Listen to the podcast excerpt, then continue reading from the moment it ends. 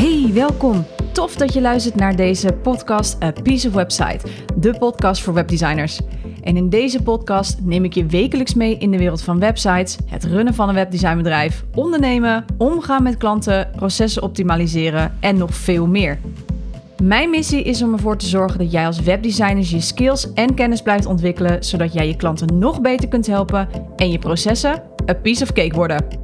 Ik ben je host, Cheryl Borslijn, strategisch webdesigner en mentor voor webdesigners. En dit is A Piece of Website, de podcast. Hey, welkom bij een gloednieuwe aflevering van deze podcast, A Piece of Website. Ja, I'm a little late to the party, maar ik wilde deze podcast ook al eigenlijk al langer opnemen. Maar goed, ik ben iemand die niet zo goed haar planning kan omgooien, dus uh, bij deze alsnog. Um, dit is een hele belangrijke update binnen de designerswereld. In allerlei vormen, de designerswereld. In de UX-design, in de productdesign, in webdesign, in alles. En hopelijk hmm, is het jou als designer, webdesigner of creative mind in ieder geval niet helemaal ontgaan, hoop ik. Adobe heeft aangeboden Figma te willen overnemen. Hebben een bod gedaan. Heel interessant en ik ga het uh, allemaal voor je uitpluizen. Mocht jij als designer nog nooit met Adobe te hebben gewerkt, dat kan. Volgens mij is dat tegenwoordig niet heel gek. Uh, Adobe is een software reus die software zoals Photoshop, Illustrator en InDesign heeft ontwikkeld. En um, ja, zij hebben eigenlijk een beetje een monopoliepositie uh, op het vlak van de designwereld. Omdat er weinig andere tools zijn die zo uitgebreid zijn als die van Adobe. Nou, Figma is een software tool specifiek voor digital design. Uh, denk aan productdesign, denk aan webdesign. En steeds meer webdesigners, productdesigners en ook andere UI of UX designers zijn overgestapt naar Figma en werken daar al een tijdje mee. En Adobe heeft daar nog wel Adobe XD voor ontwikkeld. Uh, maar dit komt niet helemaal lekker van de grond, omdat Figma daardoor toch weer meer mogelijkheden of een andere soort software is, wat uh, op andere manieren weer meer toelaat.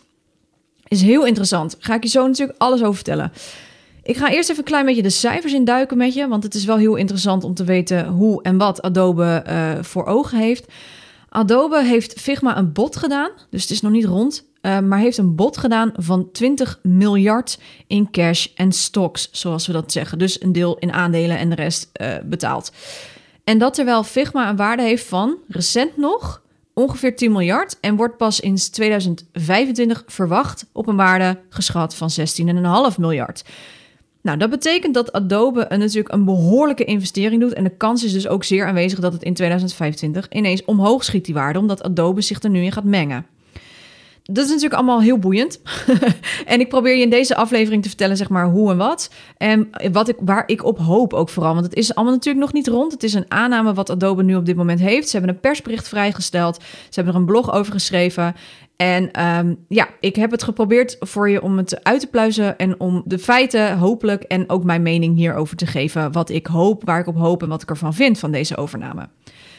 Nou, wat wil Adobe nu eigenlijk bereiken, vooral met deze overname? Figma is eigenlijk vrij nieuw. Het was een start-up en ze hebben op 27 september 2026 dit platform gelanceerd, deze software tool gelanceerd. En waarom wil zo'n giant als Adobe nou investeren in een Figma? Uh, wat Figma heeft zijn twee dingen. Eén, het is een webtool. Dus dat betekent dat je gewoon in je browser kan werken. Hè? Dus je hebt geen zware software nodig.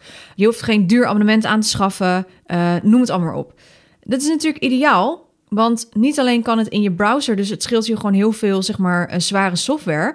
Uh, maar omdat het een browser techniek is, kan je ook meer collaborative. Dus het tweede onderdeel wat Figma heeft, is, de collaboration tussen de mensen. Dus je kan heel makkelijk je bestand delen. Je hoeft daar dus niet Photoshop te installeren eh, of iets dergelijks. Nee, je kunt gewoon zeg maar letterlijk samenwerken in een document of in een uh, omgeving. Adobe werkt natuurlijk op dit moment echt alleen nog met software apps en in de cloud. Dus een deel kan gedeeld worden, maar een deel ook niet. Dus een te groot deel niet. En Figma heeft dus al heel vroeg, die zijn in 2016 al begonnen met die browser techniek en kwam pas later met een app. Ik heb wel een app op mijn computer staan van Figma, maar ja, niet iedereen gebruikt die. En Adobe wil natuurlijk op inspelen op dat browser techniek en op die collaboration mogelijkheden. dus die, die tweede reden wat ik zei is interessant spelen voor collaborations. Dus de mogelijkheid om in een bestand samen te werken. Dat is iets wat de software van Adobe dus niet kan. En dan moet je denken aan bijvoorbeeld Google. Je kunt uh, tegelijk samenwerken bijvoorbeeld in een Google Doc. Nou, Figma heeft dat heel slim gedaan. Dus is al een redelijke early adopter in het online samenwerken tussen designers. En ja, Adobe wil daar natuurlijk een graantje van meepikken. Nou, de combinatie van een webtool en dat je erin kan samenwerken is natuurlijk enorm interessant. Want het is onwijs fijn, vooral als je een team hebt van meerdere mensen, om te zien wat iemand doet. Of er aanpassingen zijn gedaan. Je kan live aanpassingen zien, noem het allemaal maar op. En ehm, dat samenwerken, dat gaat steeds groter worden. Nou, wat is mijn mening hier eigenlijk over? Ja, ik ben van mening dat dit vooral voor grote bedrijven waarin met teams wordt gewerkt, dat dit heel interessant kan zijn. Uh, op deze manier kun je namelijk heel gemakkelijk, wat ik al zei, elkaars design zien, elkaars ideeën geven en in één omgeving werken in plaats van constant mails, review-rondes of dat je een extern programma nodig hebt zoals een toggle of een ClickUp waarin je uh, aantekeningen gaat maken. Dat kan dus gewoon in Figma. Voor de ZZP'ers onder ons kan het ook heel interessant zijn omdat je gemakkelijker overal kan werken. Zeker op mobiel, daar willen ze heel erg op gaan inspelen. Dus als je even in de trein zit en je misschien nog wat moet doen voor die ene presentatie. Uh, je hoeft hiervoor dus geen zware app op je mobiel te hebben, maar je kunt dus gewoon in je browser werken. En um, dat kan daarin dus een aantal voordelen hebben.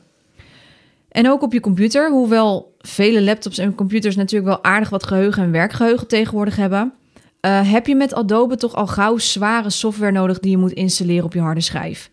Het nadeel van dat soort software vind ik is dat het gevoelig is voor crashen. Meerdere malen meegemaakt laatst nog, uh, waardoor je werk dus gewoon ineens weg kan zijn.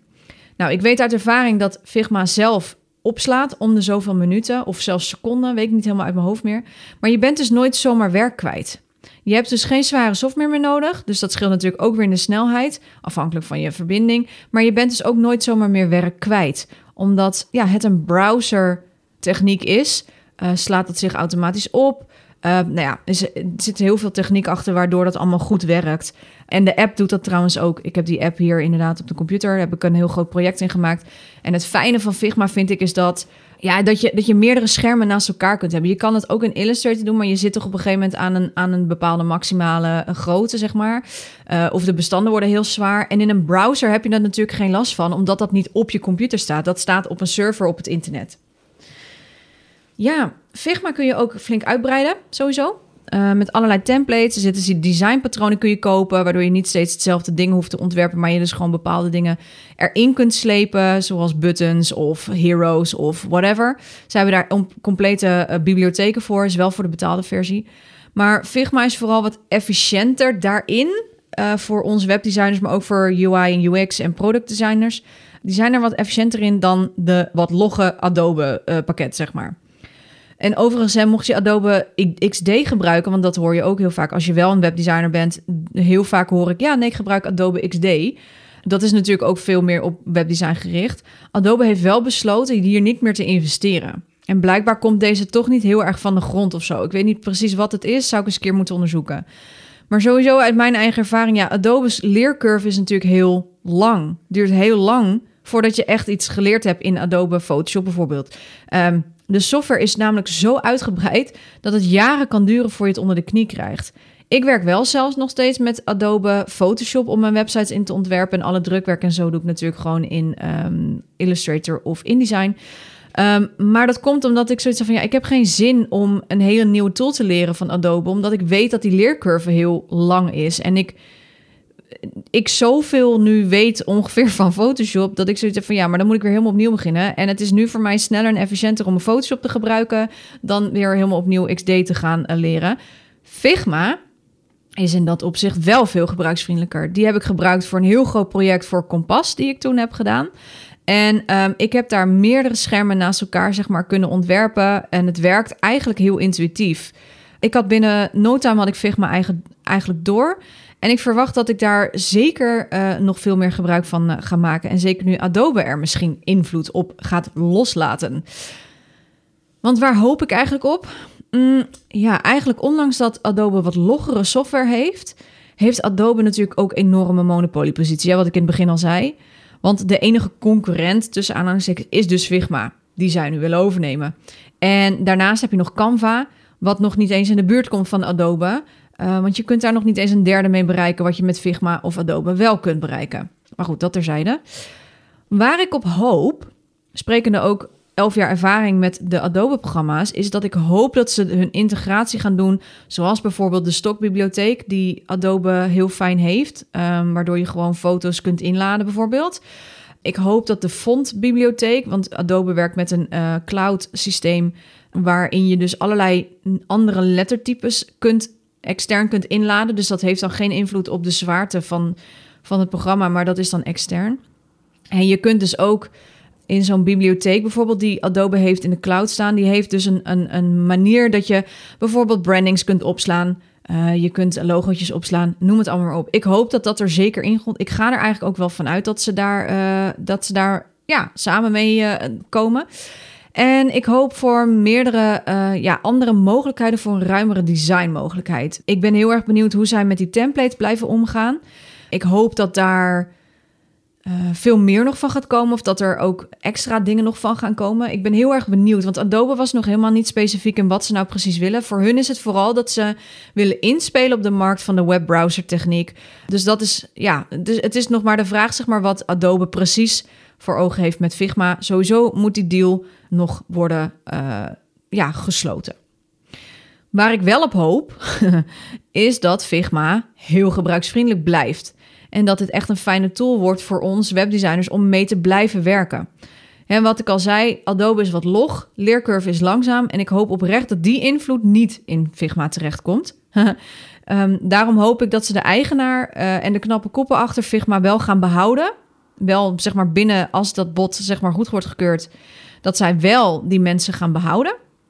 Uh, zodat zij het originele concept in de gaten kunnen blijven houden. Want dat vind ik wel, ik denk dat het wel heel erg belangrijk is. Er is hoop, dat zeker. En ik denk ook echt wel dat het ten goede kan gaan komen. Maar het is afwachten, zeg maar, hoeveel invloed Adobe gaat hebben en wat voor soort invloed Adobe gaat hebben. En dan weet ik wel, er zitten ontzettend veel knappe koppen uh, bij zowel Adobe als Figma. Dus ik, ja, ik, het, ik heb het idee dat het helemaal, uh, helemaal goed gaat komen. Risicovol is het wel van Adobe, want hun aandelen zijn meteen met de helft gedaald. Echt bizar. Um, dus het is wel echt een investering die ze doen. Het is wel echt een stap, een risico die ze nemen. En eigenlijk vind ik dat ook wel heel interessant, die risico, die stap die ze nemen. Want dit soort grote reuzen, die hebben natuurlijk dat geld. En die moeten dit soort investeringen doen om te kunnen blijven groeien. Um, Adobe heeft niet zo heel veel meer updates gedaan uh, in de afgelopen jaren. Er is niet heel veel nieuw uh, meer bijgekomen van Adobe, de programma's, omdat er al zoveel in zit. Um, ze zijn vooral de laatste jaren gaan inspelen op cloud. Um, sinds een aantal jaar kun je ook, zeg maar, vroeger, vroeger, toen ik nog, uh, toen ik nog op het MBO zat, toen kregen wij van school, zeg maar, de Adobe, uh, die, die, die DVD, zeg maar, dat je dat op je computer, zeg maar, met, met een CD-rommetje kon installeren. Oh my god, goede oude tijd. Dat was echt aan het begin van Adobe. Dus dat is ook alweer dus 11, 12, ja, 11 of 12 jaar geleden dat Adobe echt een opmars ging maken. Ondertussen zijn we natuurlijk, is er zoveel gebeurd binnen Adobe. Dus ze zijn heel erg gaan inzetten op de cloud. Dus op dingen kunnen opslaan in een cloud omgeving, zoals dus kleuren, uh, lettertypes, maar ook um, uh, foto's. Je kan uh, assets kun je opslaan. Um, en zodra je dus ergens anders bent en je bent dus op een andere computer en je logt daar in jouw account in en je hebt daar ook de software gedownload op die computer, dan kun je dus met die cloud bibliotheek kun je dus op een andere computer je bestanden ophalen. Dus je hoeft geen USB-stick meer mee te nemen zoals we dat vroeger deden. Je hoeft geen harde schijf meer mee te nemen van een terabyte. Dat staat nu gewoon in de cloud. Dus Adobe is in dat opzicht enorm uh, geavanceerd geworden. En ik ben ook echt, ik ben echt heel erg benieuwd hoe dat met Figma, met die browsertechniek, hoe dat zich gaat vormgeven en wat Adobe daarin allemaal wil gaan doen. Ik, ja, ik, ik denk dat het wel gaat goed komen. Ik, ik heb zo het gevoel van Adobe weet wat ze doen. Figma weet wat ze doen. En ik denk dat dit soort collaborations, dat dat echt heel interessant kan uitpakken voor de wereld van design, product design, UX en UI design. Dus ik, ik, ik ben heel erg benieuwd. Adobe wil in 2023 de deal rond hebben, dus uh, we moeten nog even geduld hebben. En het kan daarom dus ook nog alle kanten op gaan. Dus het is alleen maar een persbericht over van we willen en we gaan waarschijnlijk en we, we denken aan en dat soort dingen. Dat stond er ook bij van hey, er staat heel veel should, would, could en weet ik het allemaal in. Um, dus er staat nog niks vast. Ze hebben het idee, het concept ligt er, het bot ligt er. En nu is het aan Figma om daar uh, op te reageren. En um, ja, om uh, Adobe tegemoet te komen of Adobe Figma tegemoet te komen. Dus ik ben heel benieuwd. We gaan het zien. Ik denk wel dat het doorgezet gaat worden. Ik heb zo'n gevoel dat dit uh, zo'n uh, grote klap gaat zijn voor de designwereld. Dat, zij, dat Adobe en Figma hier zeker allebei achter gaan staan. En nou ja, nogmaals, ik ben erg benieuwd hoe Figma voor ons, voor ons gaat worden. Want het, het kan je echt je werkproces vele malen efficiënter maken met Figma. Dat merkte ik met de website van Kompas ook ja, er zit wel een efficiëntie uh, dingetje in. Dus ik hoop dat dat uh, blijft of dat dat nog veel, veel meer efficiënter gaat zijn.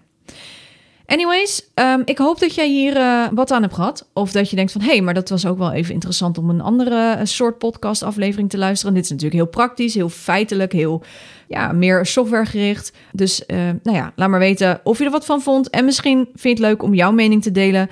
Of jouw hopen, verwachtingen te, delen met mij over wat Adobe met Figma wil gaan doen. Voor nu ga ik deze podcast afsluiten. Ik wens je een hele fijne dag. En ja, tuurlijk tot de volgende keer. Hey, groetjes. Doei. Thanks for listening.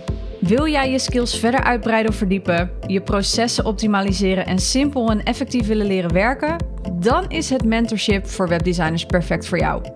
In dit zes maanden durende één op één traject krijg je een volledig kijkje bij mij in de keuken. Ik ga samen met jou diep op de materie in op de onderdelen waar jij op vastloopt. Denk aan proces, goed feedback leren ontvangen, hoe je bepaalde designkeuzes maakt op basis van die informatie die je ontvangt maar ook hoe jij je klanten nog beter kunt helpen met bijvoorbeeld het schrijven van goede teksten, hoe jij je adviesrol kunt inzetten en hoe je lange termijn trajecten kunt aangaan. Nou, dit allemaal doe ik op basis van mijn eigen webdesign procesformule die uit vijf fases bestaat en dat is research, design, build, launch en grow.